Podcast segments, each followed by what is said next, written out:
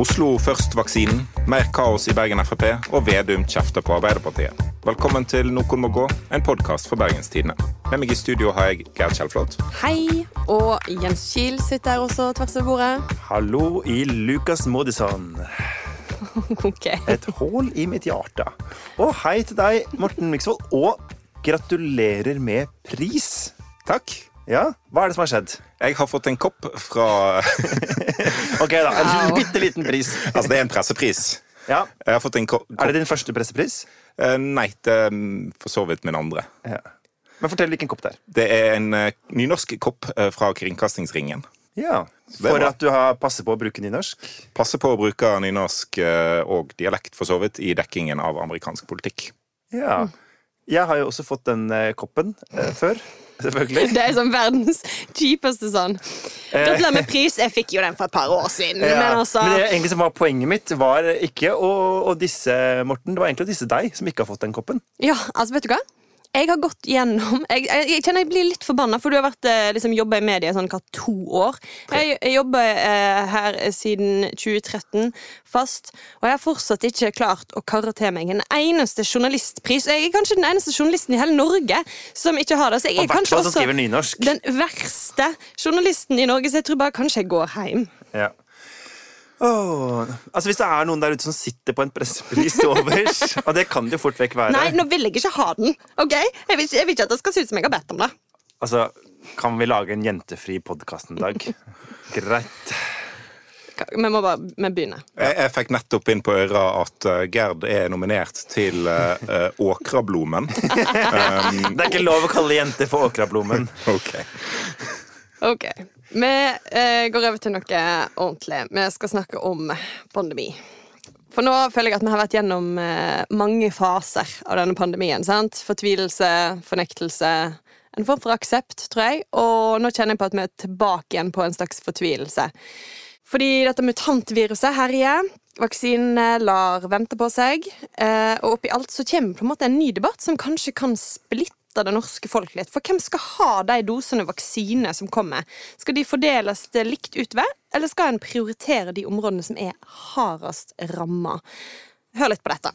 Jeg tror det er viktig å ha geografi som nå, men at man også bør forsterke og vaksinere mer der smittetrykket er høyest, for å få mest mulig effektivitet ut av de dosene man faktisk har. Det var altså Oslos byrådsleder Raymond Johansen som eh, har argumentert veldig sterkt for at det skal komme ekstra doser. Ja, for eksempel kanskje til Oslo, da. Eh, er det et rimelig krav? Ja, altså Jeg forstår jo hvor Oslo måtte komme fra. Oslo har levd under veldig strenge restriksjoner veldig lenge. De er kanskje de som har hatt strengest restriksjoner over lengst tid. Det var en periode i, på slutten av fjoråret der Bergen eh, var strengere enn Oslo, men, men Oslo har levd med veldig strenge restriksjoner lenge. De sliter med å få eh, kontroll på, på smitten, og, og eh, det er sikkert eh, generelt sett kjipt å, å bo i Oslo-området eller Nordre Follo-regionen eh, for tida. Storfollo, som vi kaller Oslo nå. Ja. Eh, Så jeg forstår jo på en måte begrunnelsen for det. Jeg, jeg, jeg forstår ikke Jeg har ikke så stor forståelse for det at jeg vil gå med på det. Fordi at uh, vaksine er ikke et smitteverntiltak. Eh, vaksine kan gjøre vondt verre for smitteutbrudd. Sånn på kort sikt. Vi har ikke nok vaksine til å måte, gjennomføre en eh, massevaksinasjon av Oslo. Og så lenge du kan fortsatt være bærer av viruset når du eh, er vaksinert, så kan det faktisk føre til mer smitte eh, i Oslo om folk blir vaksinert og så oppfører seg mm, normalt og går på rave-fester og alt Ja, sånt. Dette er jo eh, Myxis sånn go to-argument i eh, koronadebattene. Altså sånn, Før sommeren så diskuterte vi en runde på dette med munnbind. Og da var det også sånn ja, men Det kan gi endringer psykologisk i liksom, eh, oppførselen til folk, så det må vi ikke ha. Nå har vi munnbind, og dagens eh, smittetall i Bergen er eh, sju.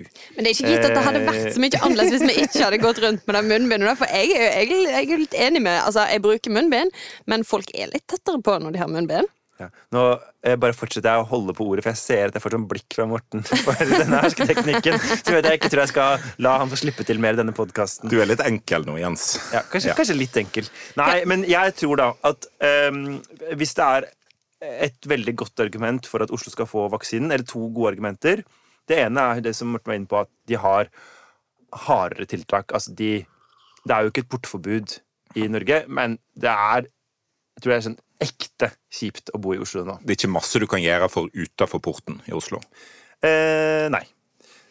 Og det andre er jo at eh, Vestlandet generelt har jo i liten grad vært ramma, i hvert fall nå, da, av importsmitte. Eh, mens det har jo Altså, regjeringa har jo ikke hatt kontroll på Svinesund eh, og på Gardermoen. Og det rammer jo Oslo mye hardere enn det rammer andre deler. Og det blir litt sånn når når regjeringa ikke tar sin del av dugnaden med å hindre smitte i Stor-Oslo, så er det jo litt begrensa hva folk kan gjøre for å stoppe det. Og da kanskje det man, at det skal være et argument for at da må regjeringa litt sånn gjøre det godt igjen med å prøve å bidra der. Men, vi har jo så få vaksiner at Ja. det ville jo ikke hjulpet. Nei. Og så er det jo det lille problemet, da, eh, selvsagt, at plutselig så dukker mutantviruset sjøl opp i Norges, eh, en av Norges aller minste kommuner, Ulvik. Innerst inne i Hardanger. Alle kommuner er jo en av Norges minste kommuner. Ja, men Dette er jo virkelig en av Norges minste kommuner. 25 nye bekrefta tilfeller av viruset eh, og torsdag morgen. Ja. Eh, det bor i underkant av 1100 personer i den kommunen. Det er ganske massiv. Eh, Nå er, nå Men de er var ferdig 50 med, med vaksinasjonen, var det det du sa, av de sårbare gruppene? de, Det er var, det, da. de hadde Ja. kommet gjennom eh, Av de aller mest sårbare så hadde de i går satt, uh, satt den siste andre dosen. Og det, det som både BT og, og VG har på sine vaksinasjonsoversikter, er at de har satt seks andre doser uh, i Ulvik kommune. Og Det viser jo òg hvor lite som skal til i en del kommuner for å, å komme gjennom vaksinasjonen av de aller mest sårbare. Mm. og det de holder på med nå i Ulvik, er å, å, å begynne vaksinasjon av helsepersonell i en kommune med eh, et veldig stort utbrudd. Det ville ikke vært mulig hvis eh, Oslo skulle vært prioritert. Og så kan du selvfølgelig si at en trenger ikke prioritere Oslo, en kan prioritere kommuner med et høyt smittetrykk. Og sette noen objektive kriterier på plass. Men som vi ser i Ulvik, ting forandrer seg veldig fort. Ja. Og når vi får inn såpass få vaksiner som nå, det skal ta seg opp i februar og mars og sånn. Men når vi får inn såpass få vaksiner som nå, så er det vanskelig å snu seg rundt. Og, og Norge er jo Norge. Det tar jo ikke bare Det er ikke fem minutter så har du fått henta noen vaksiner bort i Oslo til Ullevik. Altså det er, det er kjempelangt, og disse, mange av disse vaksinene skal jo fryses ned til eh, helt umenneskelig lave temperaturer. Så det er jo, dette er ikke bare bare. Nei. Og så er det jo eh, noe med at Eller eh, eh, Bent Høie hadde en ganske god kronikk i Aftenposten her om dagen. Og den var blant annet god fordi at han åpenbart ikke har skrevet den selv, så den var normale helsetninger, eh, og ikke sånn Ja, jeg skulle til spørre. Det er nå, og vi Punktum. Men det var bare en vanlig kronikk. Og han skrev dette, vi, vi kan aldri vite hvor det neste utbruddet kommer. Og jeg kjente litt på en Ikke en glede, men det var litt sånn Ok, dette tror jeg er bra for debatten. At, at det neste utbruddet plutselig kom i Ulvik av alle steder. Fordi det viser jo veldig Det er på en måte det mest sånn ikke Stor-Oslo-aktige stedet vi har å tilby omtrent. da. Og med dette mutantviruset, både britisk og sørafrikanske varianten, så eh, kan det skje så veldig fort at en går ifra et par tilfeller til mange tilfeller. Det er på gang ting i Bergen nå. Det er, det, Ja. det er skoler som er, er stengt pga. mutantvirus. Vi har eh, bekrefta sørafrikansk mutasjon i, i Bergen. Det kan hende at det er et utbrudd på gang eh, her. Og så vidt vi veit, så har de jo i Ulvik gjort alt rett. Ja. Altså sånn, Ja, ja, ja. Det var ikke eh, fordi alle driter i eh, smittevernregler og fullt kaos. Nei. De har gjort alt rett, og så har de bare hatt antageligvis ekstremt uflaks, da. Mm. Og det viser jo også at sånn eh, Dette kan Det rammer jo virkelig hvor som helst. Eh, men jeg syns jo likevel det er noe spennende med det her Oslo-spørsmålet, og det var jo dette med Jan Bøhler Ja. Ja. eh, som ikke vil svare på om Oslo burde ja, men det skal være Oslo First-strategi. selveste Oslo-losen, Jan Bøhler, på en måte. Han syntes det var bra at spørsmålet ble stilt, eh, men ville ikke svare på det. For dette her er jo Han det syntes ikke det var så bra at spørsmålet ble stilt til han, tenker jeg. Fordi han er jo da, vi må huske, for de som har glemt det, nå Senterpartiets mann etter å ha vært Arbeiderpartiets mann i 30 år. Og det er fascinerende at også fordelingen av vaksiner selvsagt havner rett på sentrum-periferi-konflikten i dette landet, som alle spørsmål egentlig bare koker ned til. Eh, Er det by mot land? Eh, Ja, i det hele tatt. Ja, men også, det er noe veldig gøy med at denne uka har tydeligvis vært den utrolig sterke uka for Senterpartiet for sånn Vi tror at vi kanskje kan redde oss ut av kinkige debatter ved å bare la være å svare. For det kommer ikke til å vare så lenge. Vi hadde eh, Politisk kvarter med Ingunn Solheim på NRK, som ville høre med Senterpartiet om eh, klimameldinga til regjeringa, hvor eh, eh, Senterpartiet sa vi stiller ikke opp i Politisk kvarter og snakker om den. Og det er jo etter at de har sagt vi vil ikke lenger være med på sånn spill og strategiprat, vi vil bare prate politikk. Så sånn, ja, prate om politikk, da. Nei, vi vil ikke prate om eh, klima. Og så var det Jenny Klinge som var ute og var så rasende for eh, at det skal bli lensmann skal ikke være lov å si lenger. Vi skal ha et kjønnsnøytralt navn, og det var å kappe over norsk eh, kultur og røtter og sånt noe. Og så var det Høyres spinndoktor Peder Eikseth som viste at Senterpartiet var med på å kreve at regjeringa skulle finne kjønnssentrale navn på alle titler i staten. I 2019. Men da var jo selvfølgelig Senterpartiet mot norsk kultur, da. I 2019. Ja. Men, og nå vil de liksom ikke, da blir det litt mer stille derfra. Og det at de nå, Jan Bøhler sin sånn Jeg ønsker ikke lenger å være en fyr som eh, tar ord i denne debatten-strategien. Det, det skal bli veldig spennende å se hvor dette tar dem. Ja, Det var litt sånn Senterparti-innhopp. men Ja, jeg måtte snakke om- bare si det. Ja, okay. Men tilbake til vaksinene. da, fordi, eh, La oss snakke om eh, VG. For de har fått gjennomført en eh, undersøkelse. De har spurt det norske folk. Hva syns dere? Bør vaksinene fordeles likt utover, eller eh, skal man ta, eh, gi mest til der det er høyt eh, smittetrykk? Og Spurte de vanlige folk, folk flest, eller den urbane metoo-eliten? usikker. Et representativt utvalg av Ja, alle tre. litt av begge. Eh, og eh, s- eh, 62 der svarer at en må prioritere de områdene med mest smitte. Sjokkerende nok så var det flest i den urbane metoo-eliten, Ja, for nå skal de ha vaksine oppi kaffelatten, vet du. Mm, som i storbyene og på Østlandet, så mente de, men likevel de, eh, VG på en måte forsvarte det hele med at det er, denne holdningen finner du igjen i alle landsdeler.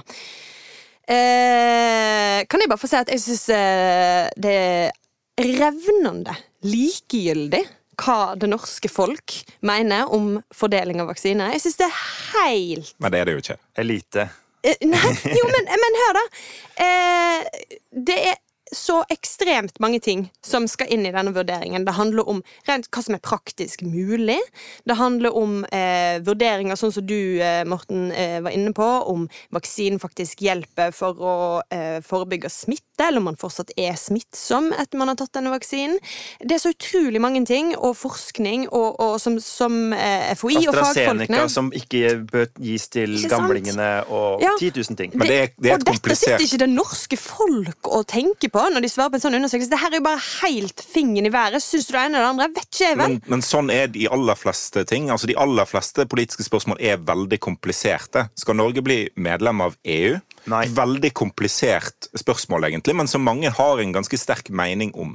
Og det er Altså, jeg, jeg sier ikke at den målingen skal gi utslag på noen slags måte, og jeg håper ikke at det finnes folk på Stortinget som nå på en måte vil overprøve regjeringens vaksinestrategi pga. en meningsmåling, men det er nyttig å vite litt hvor folket står, fordi at alle vaksinetiltak, til og med, eller alle smittetiltak, til og med vaksinen, eh, skal ha en legitimitet. Ja. Og, og da er det viktig å vite at ok, mange innbyggere i Norge mener at øh, øh, vaksine bør gis der smittetrykket er høyest. Det er i strid med smittevernfaglige råd akkurat nå. Da må en kanskje forklare bedre eh, hvorfor en ønsker å, å spre vaksinen utover hele landet, til annet Ulvik. Og til eh, Bergen, som kanskje har et utbrudd akkurat nå. Eh, sånn at en ikke hele tiden kommer i etterkant på, på utbrudd og sier nå skal vi prioritere eh, Nordre Follo-regionen, nå skal vi prioritere Ulvik, nå skal vi prioritere Trondheim. Eh, Så det jeg- har en, det har en ja. funksjon. Ja, nei, jeg tenker i hvert fall at vi må kunne diskutere dette spørsmålet som alle andre spørsmål. Eh, Det er jo våre politiske ledere som til sjuende og sist eh, tar disse valgene. Og, Ja, akkurat i dette tilfellet så er det jo FHI som har fått lov til å styre uh, Ja, av helse, vet jeg men, skjønner. ja, men det er jo på en måte Det ligger jo altså Hvis regjeringa sa vi vil ha en annen strategi, så hadde det jo blitt Ja, ja, det. ja. Sånn at det å følge FHI i denne saken er jo også et valg, på et vis. Og FHI sier sjøl at det er ikke bare en medisinsk vurdering, det er en etisk vurdering som politikerne kan ta om en skal prioritere områder med høy smitte, og dermed utsette vaksinasjon av de mest sårbare gruppene i andre deler av landet. Og det er jo, eh, syns jeg i hvert fall, interessant å se at andre, andre strategier kunne gitt også gode resultater. Altså Hvis man sa at eh, f.eks. for eksempel arbeiderklassen, de som bor trangbodd, eh, som i stor grad ikke kan ha hjemmekontor fordi de har andre typer yrker, eh, hvor det er mange med dårlige norskkunnskaper osv. Eh, det er den gruppa som er mest utsatt for smitte, antageligvis. Sånn som det ser ut. da. Det er jo der smitten ofte har vært høyest. Vi starter der. ikke sant? Rent sånn klassebasert eh, smitte- eller vaksinasjonsprogram. Det kunne hende at var ganske smart. Og en har jo hatt Ap sine utspill om at lærere burde uh, stå lenger framme i vaksinekøen, som òg For fikk en del uh, Virka å, å ha en del folkelig støtte, men som ikke nødvendigvis var smart å gjøre, og litt fordi at lærere ikke nødvendigvis er så mye mer utsatt for smitte enn f.eks. helsepersonell og Jeg tenker bare at det er folk som jobber i butikk. Altså. øh, også for Raymond Johansen, som står så sterkt på dette her, da, at nå må vi få noen ekstra vaksiner til Oslo osv. Du, du tar i hvert fall et ganske stort ansvar på dine skuldre da, når du da går, velger å gå så hardt ut mot det FHI eh, og alle liksom, fagfolkene som sitter og jobber med dette døgnet rundt og prøver å få til det beste eh, og best mulig nytte av disse vaksinene. Og når du går imot det, eh, så, så ja, du, du tar et stort ansvar. Men det er nødvendig òg å, å, å, utfordre FHI av og til, altså. Men, Ja men de jeg skulle gjerne hørt fra i denne debatten, her, er alle ordførerne som bare for få uker siden signerte et opprop om å, eh, at deres kommuner skulle slippe unna eh, nasjonale smitteverntiltak fordi at det var tilnærmet null smitte eller null smitte i deres kommune. Om, om hva de mener om at vaksinene deres kanskje kan sendes til et område med, med mer smitte. For jeg, Var Ulvik på lista? det, det husker jeg ikke, det tror jeg ikke. Vi må finne det ut. Ja. Jeg tror det var ganske Uansett, mange kommuner på Østlandet. Ja, eh, altså det er jo bare veldig gøy eh, at eh, selvfølgelig, når du først skulle treffe en plass her, så var det Ulvik. Altså, Hvorfor? jeg må bare si det. Jeg synes, jo, fordi Ulvik, 1100 innbyggere, Ja, knapt. Ja. noe sånt noe, eh, bokser liksom alltid i en liga over sin egen eller to. Altså, de har hatt sammenhengende stortingsrepresentasjon siden tidlig 90-tall, med unntak av én periode. Så de har selvfølgelig en av Jeg vil si egentlig en av verdens største diktere. Eh, de har den råeste naturen. Nå De må du si hvem den dikteren er. Olav H. Hauge, heter han. Eh, og Eller het, eller jeg vet ikke åssen det er. Han heter jo fortsatt det. Ja. Og, og sånn bare fortsetter den lista. ikke sant? Selvfølgelig så klarer de å tuske til seg eh, Hardangerbrua og den megatunnelen, sånn at plutselig ligger liksom Ulvik supersentralt til. Jeg trodde du skulle si selvfølgelig klarer de å tuske til seg mutantviruset. ja. Jo, men det er det. De gadd jo selvfølgelig ikke å ta det der vanlige kjipe. Nei, Ikke sant? nei, nei. Her går vi rett på toeren. Ja, Ja, Det er ikke nei. lov å si. ok, nytt tema. Jeg tror vi går videre, Jens. Ja, eh, da går vi rett på toeren, Jens. Jeg var på tur sist eh, torsdag etter innspilling av eh, podkasten Noen må gå. På tur til Åsane, som jo er Bergens nye politiske maktsentrum. Ja. Før jul så var jo Morten på tur til Joker Ervik og så eh, kollapsen i eh, folkeaksjonen Nei til mer bompenger. Jeg fikk eh, gleden av en tur til Padøy Transport, og, som ligger vel på Nyborg, for å se fire eks-Frp-ere sin eh, pressekonferanse. Og presseinvitasjonen lovte at det skulle være snakk om eh, korrupsjon, maktmisbruk og også personmisbruk. Eh, Jeg vet ikke hva et personmisbruk er, men Det høres ikke bra ut. nei. Så det var jo da eh, fire karer pluss en advokat som satt lina opp. Og, og så var det Jeg vil si skikkelig mye pressefolk. Altså Vi stilte var vel fire eh, TV-kameraer med tilhørende fotografer, pluss da kanskje seks-sju journalister. Ja, Altså- dere, rett og slett Så eh, det føltes som sånn ganske intenst stemning. Og det som da skjedde, var at disse eks-Frp-erne som da har vært ekskludert fra Bergen Frp, eh, la egentlig fram fortellinga om hvordan det var å være dem.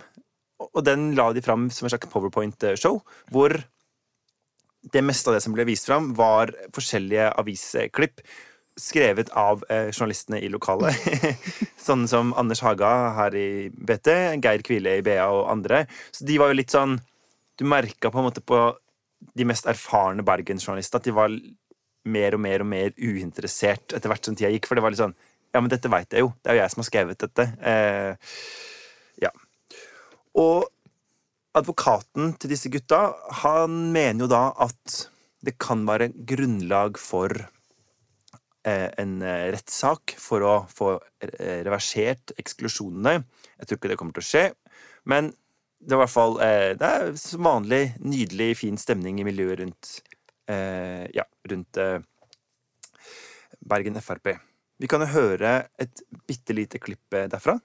Vil dere det? Ja. Gjerne. Det som jeg syns er, er trist, det er det at eh, det som jeg har jobbet med siden jeg meldte meg inn i 89 og frem til i dag, med å forsøke å gjøre et samfunn bedre ut ifra det som altså vi ser det. Og så ende opp med en sånn å bli dumpet ut eh, gjennom sidevinduet i, i høy fart, holdt jeg på å si, er eh, er jo også en måte å si takk og farvel på. Dette eh, var da Tor Voldseth, som er hva skal jeg si, Bergen FrPs grand old man. På en, på en måte, ja. Tidligere gruppeleder og tidligere varaordfører i Bergen. Ja.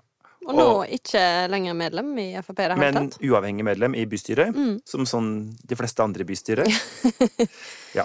Og det var jo veldig sånn eh, Det er noe sånn trist over det. Han har jo på en måte et langt liv i bergenspolitikken, og nå er han eh, sitat, kasta ut av sidevinduet i høy fart. Og det De har jo veldig mange gode poenger, disse som er ekskludert. Altså, det kommer et eh, eksklusjonsgrunnlag som er bare 44 sider med eh, avisutklipp. Og sånn som han eh, Thomas Flesland, som vel også sitter i bystyret, Mm. og som da i hele dette eh, papirbunken er sitert én gang. Og da er det at han sier at det er litt rart at folk fra eh, Os og Askøy skal bestemme hva bystyregruppa i Bergen skal mene. Mm. Og det er tydeligvis liksom grunn nok til å bli ekskludert, da. Så det er jo et veldig Det er jo et merkelig parti, men dette burde de kanskje ha bare forstått. At melder du deg inn i Frp, så kan du bli ekskludert når som helst. Hvis du faller i unåde med ledelsen. Det er jo sånn som har skjedd opp gjennom med ganske mange, at en enten har blitt pressa ut eller, eller aktivt utmeldt, som en kaller det, eller ekskludert.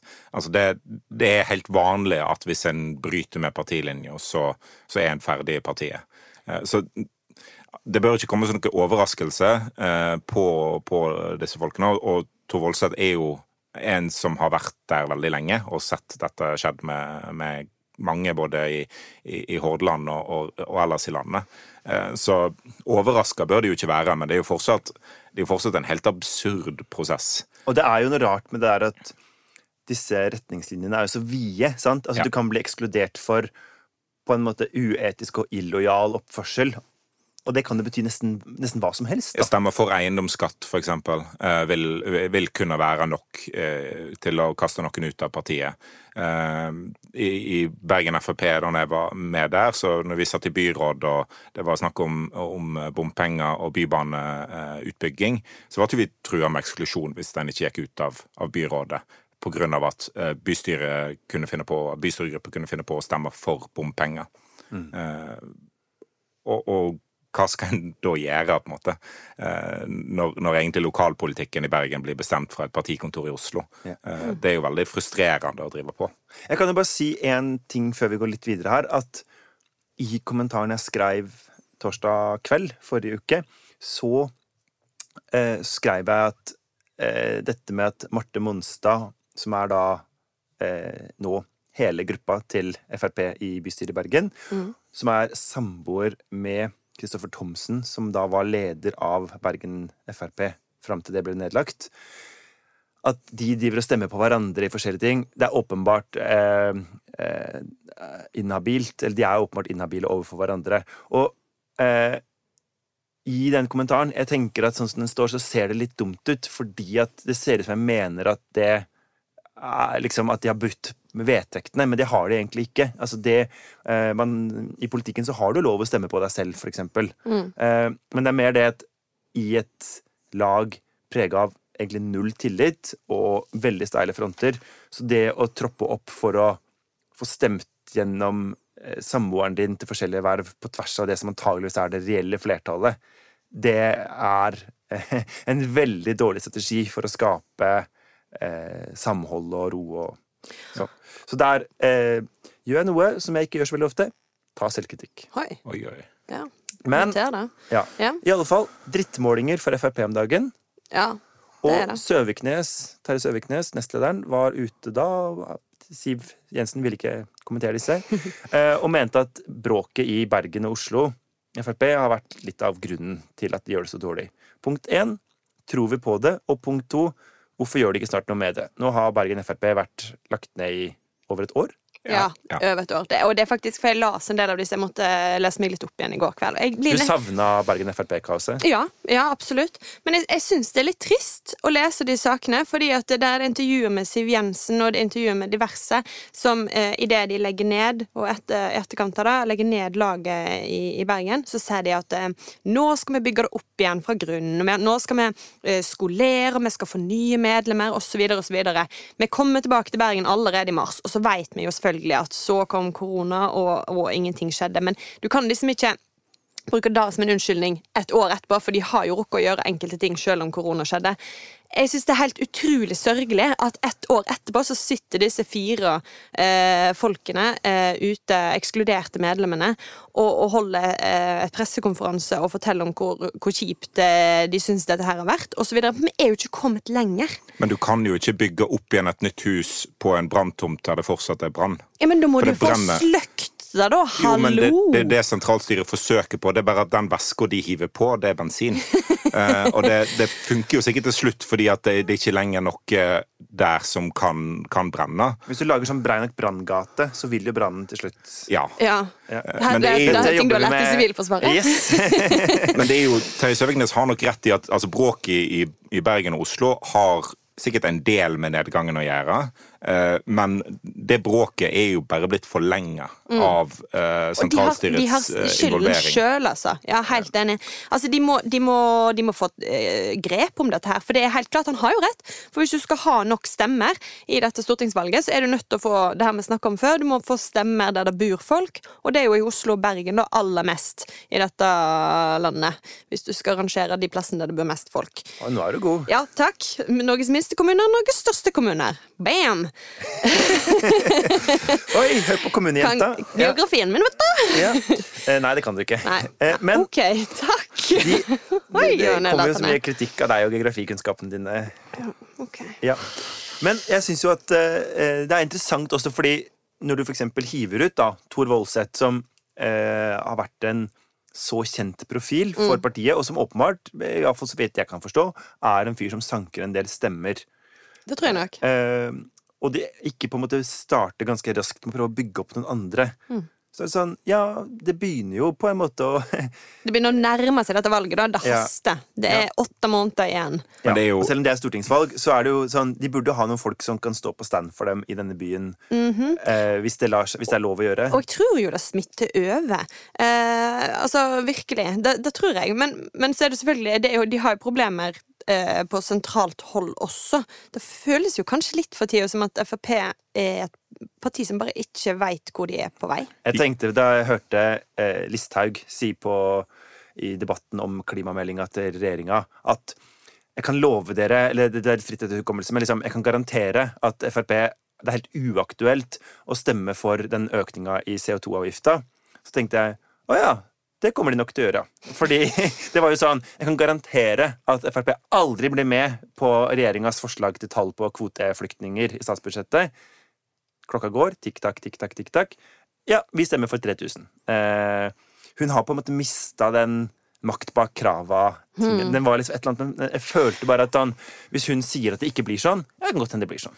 Det er jo òg litt over et år nå siden Frp gikk ut av regjering. Eh, og det tror jeg kanskje er en større eh, hendelse i, i partiet enn nedlegging av både Oslo og, og Bergen Frp.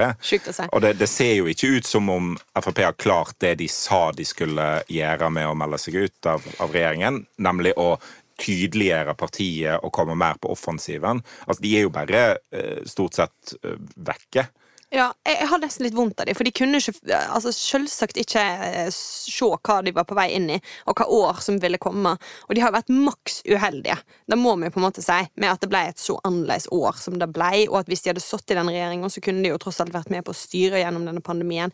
Jeg vet ikke om det hadde hjulpet de. Det har jo men- vært en suksess for Venstre og KrF. Ja, det er et poeng. men Frp hadde sittet der med finansminister eh, og justisminister og en folkehelseminister, som ikke er nødvendigvis en veldig stor uh, stilling, men, men de ville hatt noen av de mer sentrale posisjonene i en regjering som hadde litt større grunnlag i Stortinget enn det den regjeringen har i dag.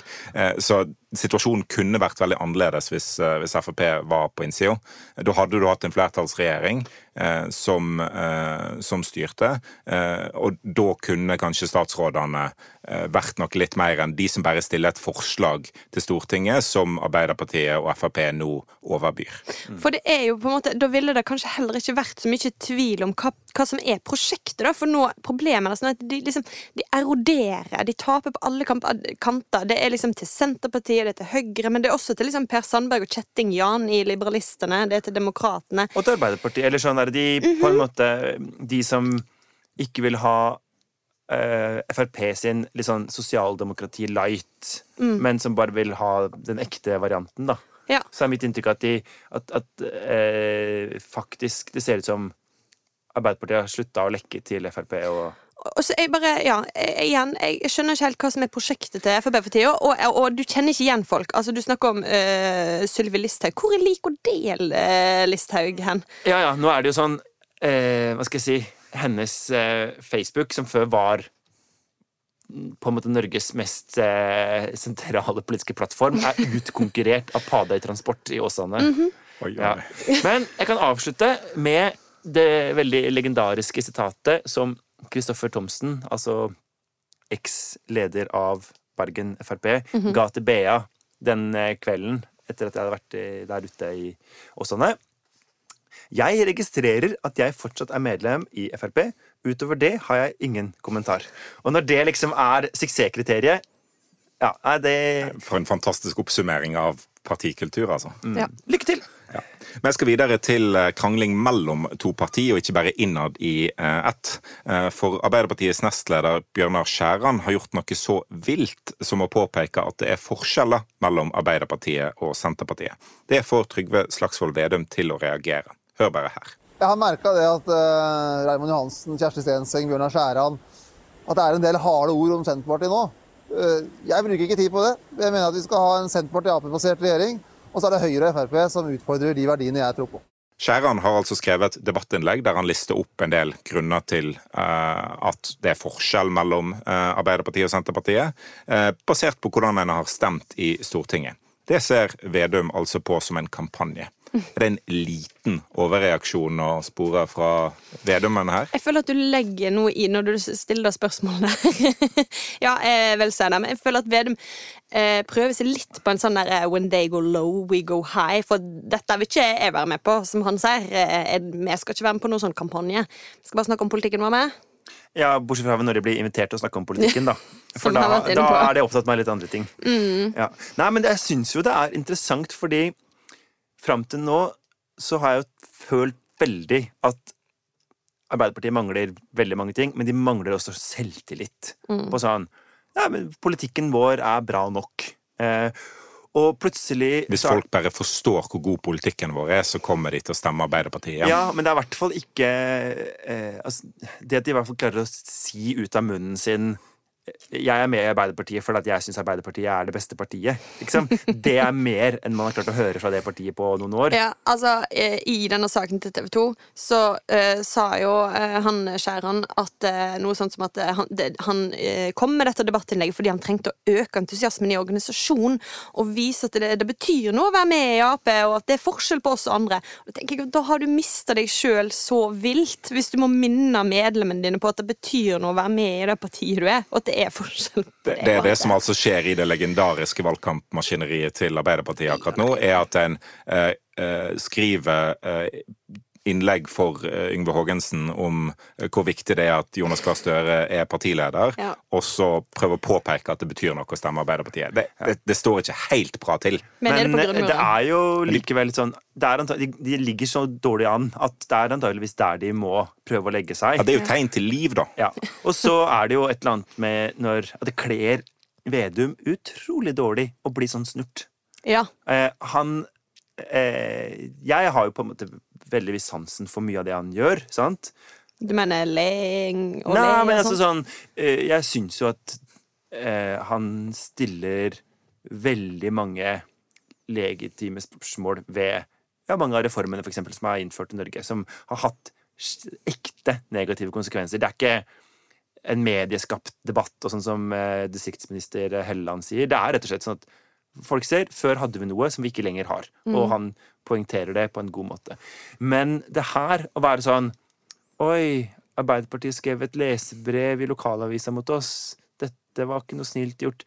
Det kler liksom ikke noen som ligger på 20% på målingene. Mm. Eh, Men det er jo der, da. På noen av målingene nå så, så butter det litt for Vedum. Fordi, eller han, de stiger ikke lenger. De har nådd et slags følelse som de har nådd et tak. Og på, på hvert fall VG sin måling, tror jeg, så var de gått bitte litt grann ned. Til liksom 18 buhu. ja, men det er jo likevel et helt absurd høyt nivå. Aha. Ja. Men det er klart at da begynner man kanskje å bli litt urolig, da, for Vedum har, har jo, det har vi snakka om før, et ekstremt stor fallhøyde. Eh, Når du er på 20 nå, hvis du eh, kommer inn på 14, så vil det fortsatt være helt sinnssykt bra, men det vil føles eh, litt trasig. Og det er jo noe med at hvis dette er måten Senterpartiet skal møte kritikk på, eh, altså hvordan en har stemt i Stortinget, om det handler om eh, de tingene som Skjæran trekker fram, eller dette med kjønnsnøytrale eh, titler i staten, som Jenny, eh, Jenny Klinge eh, gikk hardt ut mot, og, og som viser seg at Senterpartiet faktisk har eh, bedt om å, å støtte. Eh, altså hvis, hvis en skal være så snurt, eh, så er jo den Senterpartistemningen plutselig noe helt annet inn, inn i dette valgåret, og da kan det jo Da kan en jo kanskje se at det, det begynner å falle. Ja. Hvis de- entusiasmen daler, da.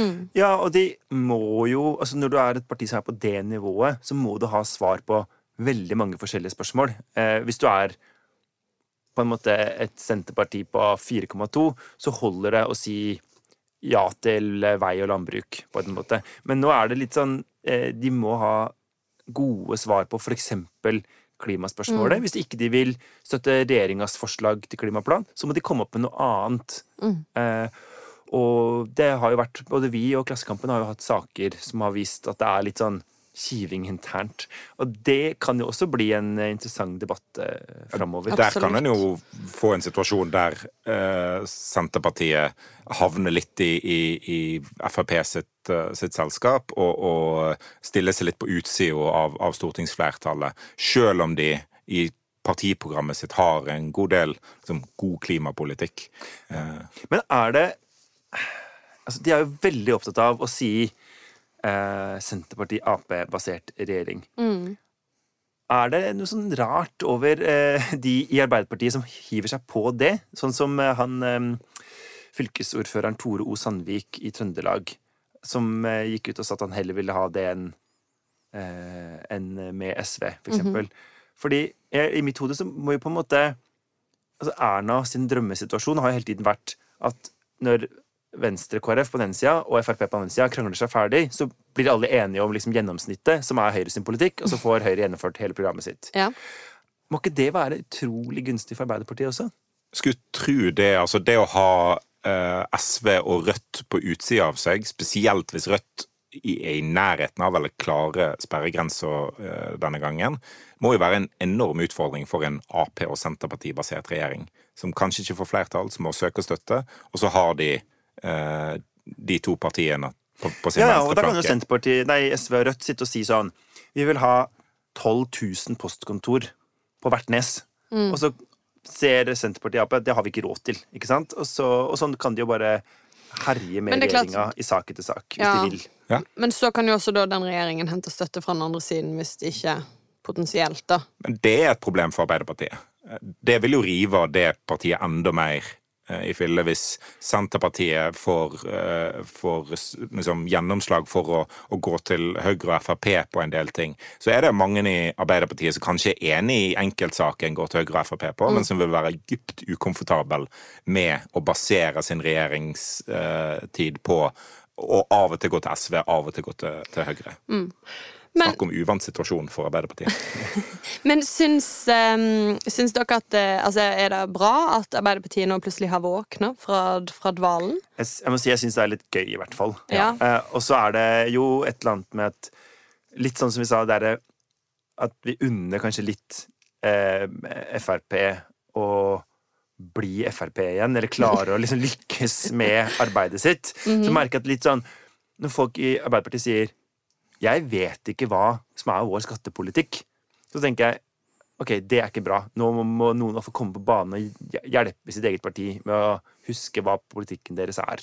Så det er litt sånn, jeg tenker at det er bra for, for den politiske debatten og for valgkampen. Da, at det blir litt friskere fronter, og at Arbeiderpartiet tør å ta igjen. Når en skal ha åtte-ti partier på Stortinget, så syns jeg det er veldig fint at de partiene er litt forskjellige.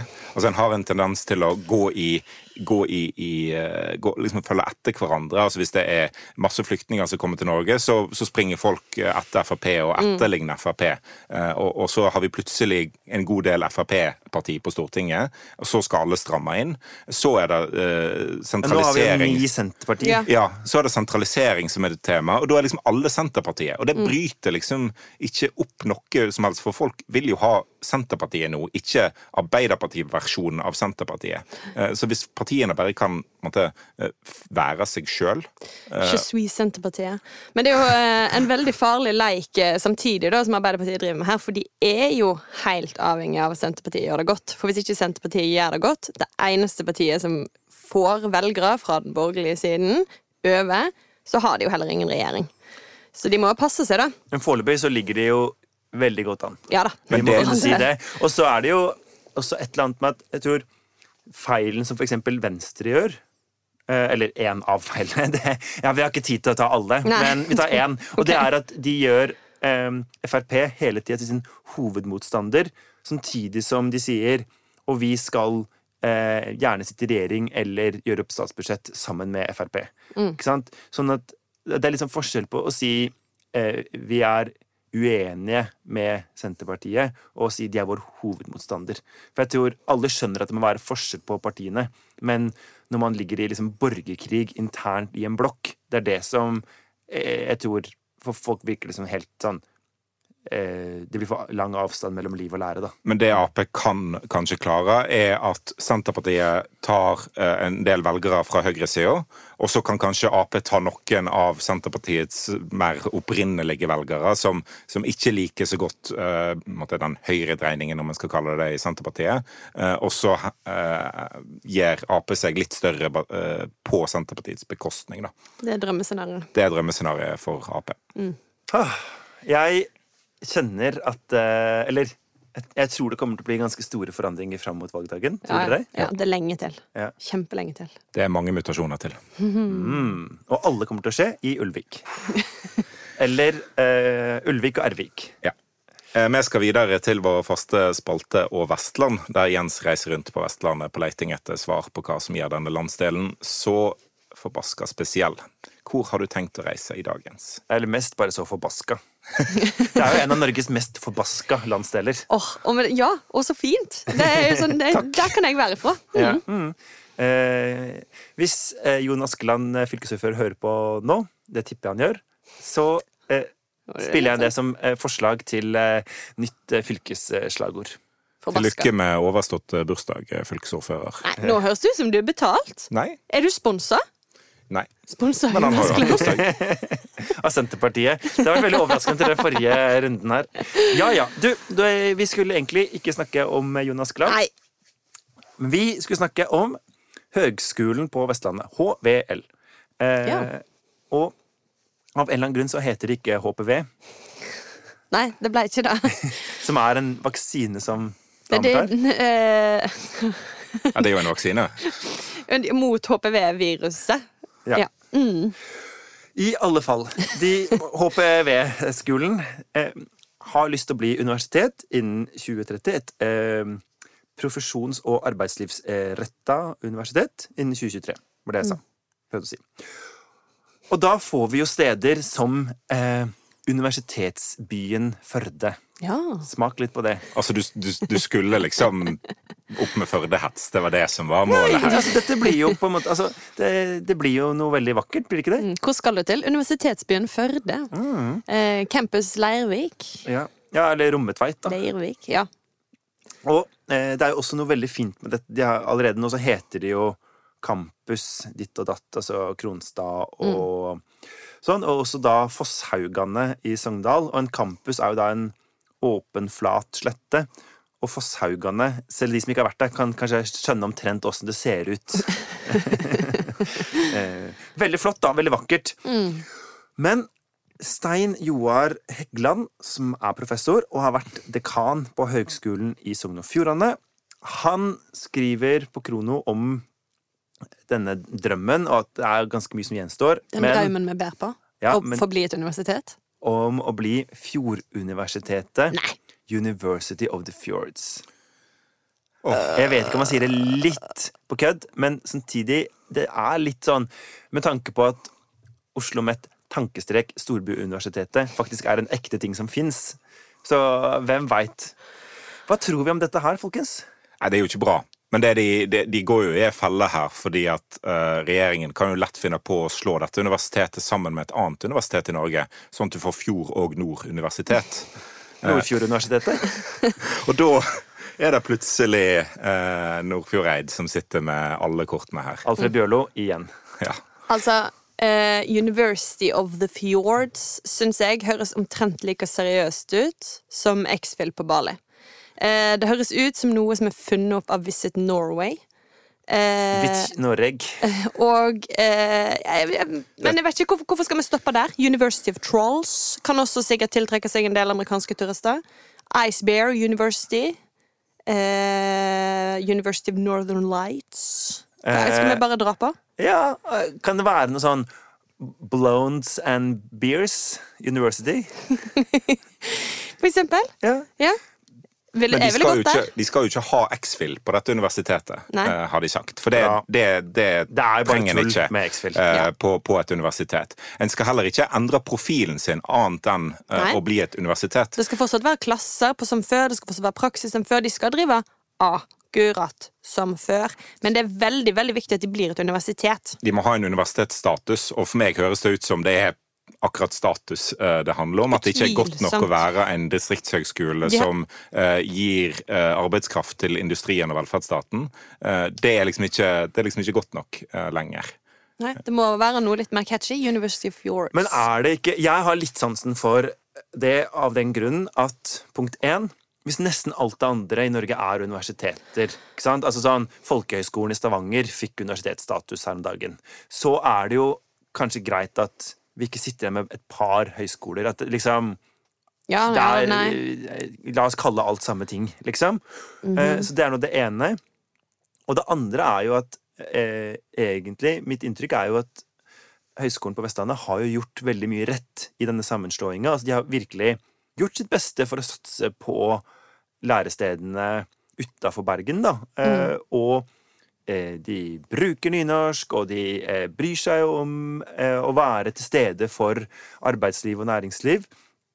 Og da kan det godt hende at det ikke blir en fjollegjeng av å bli universitet. Så kanskje vi bare kan unne dem det? Eller, eller er det så lite vestlandsk å, å gå for status og fin tittel at vi bare må si nei likevel? Jeg, jeg, tror jeg, må, må si nei. Og det at alle andre har gjort noe litt teit og gått vekk fra, fra høgskole, som er en helt fin tittel, eh, til å bli universitet, eh, syns jeg lite om. Det er liksom det samme som skjedde eh, for 15 år siden, når alle eh, altså de resterende gymnasene skulle bli til videregående skoler, fordi at kanskje alle bare heter det samme. Altså Det er ulike ting. Det, det betyr ikke at universitet er bedre enn høgskole. Dere har de begge gått på gammelt ting. gymnas, har dere ikke det? Jo. Jo. Fy faen. Eh, savner dere det? Ja. Å gå på gymnas? Eller ikke å gå der, men jeg savner jo at gymnaset fins. Ja. Ja. ja, det er sant, for det fins ikke lenger det jeg gikk på heller, nei. For det er blitt videregående skole nå, ja. ja. Nei, ja, det er jo litt sørgelig.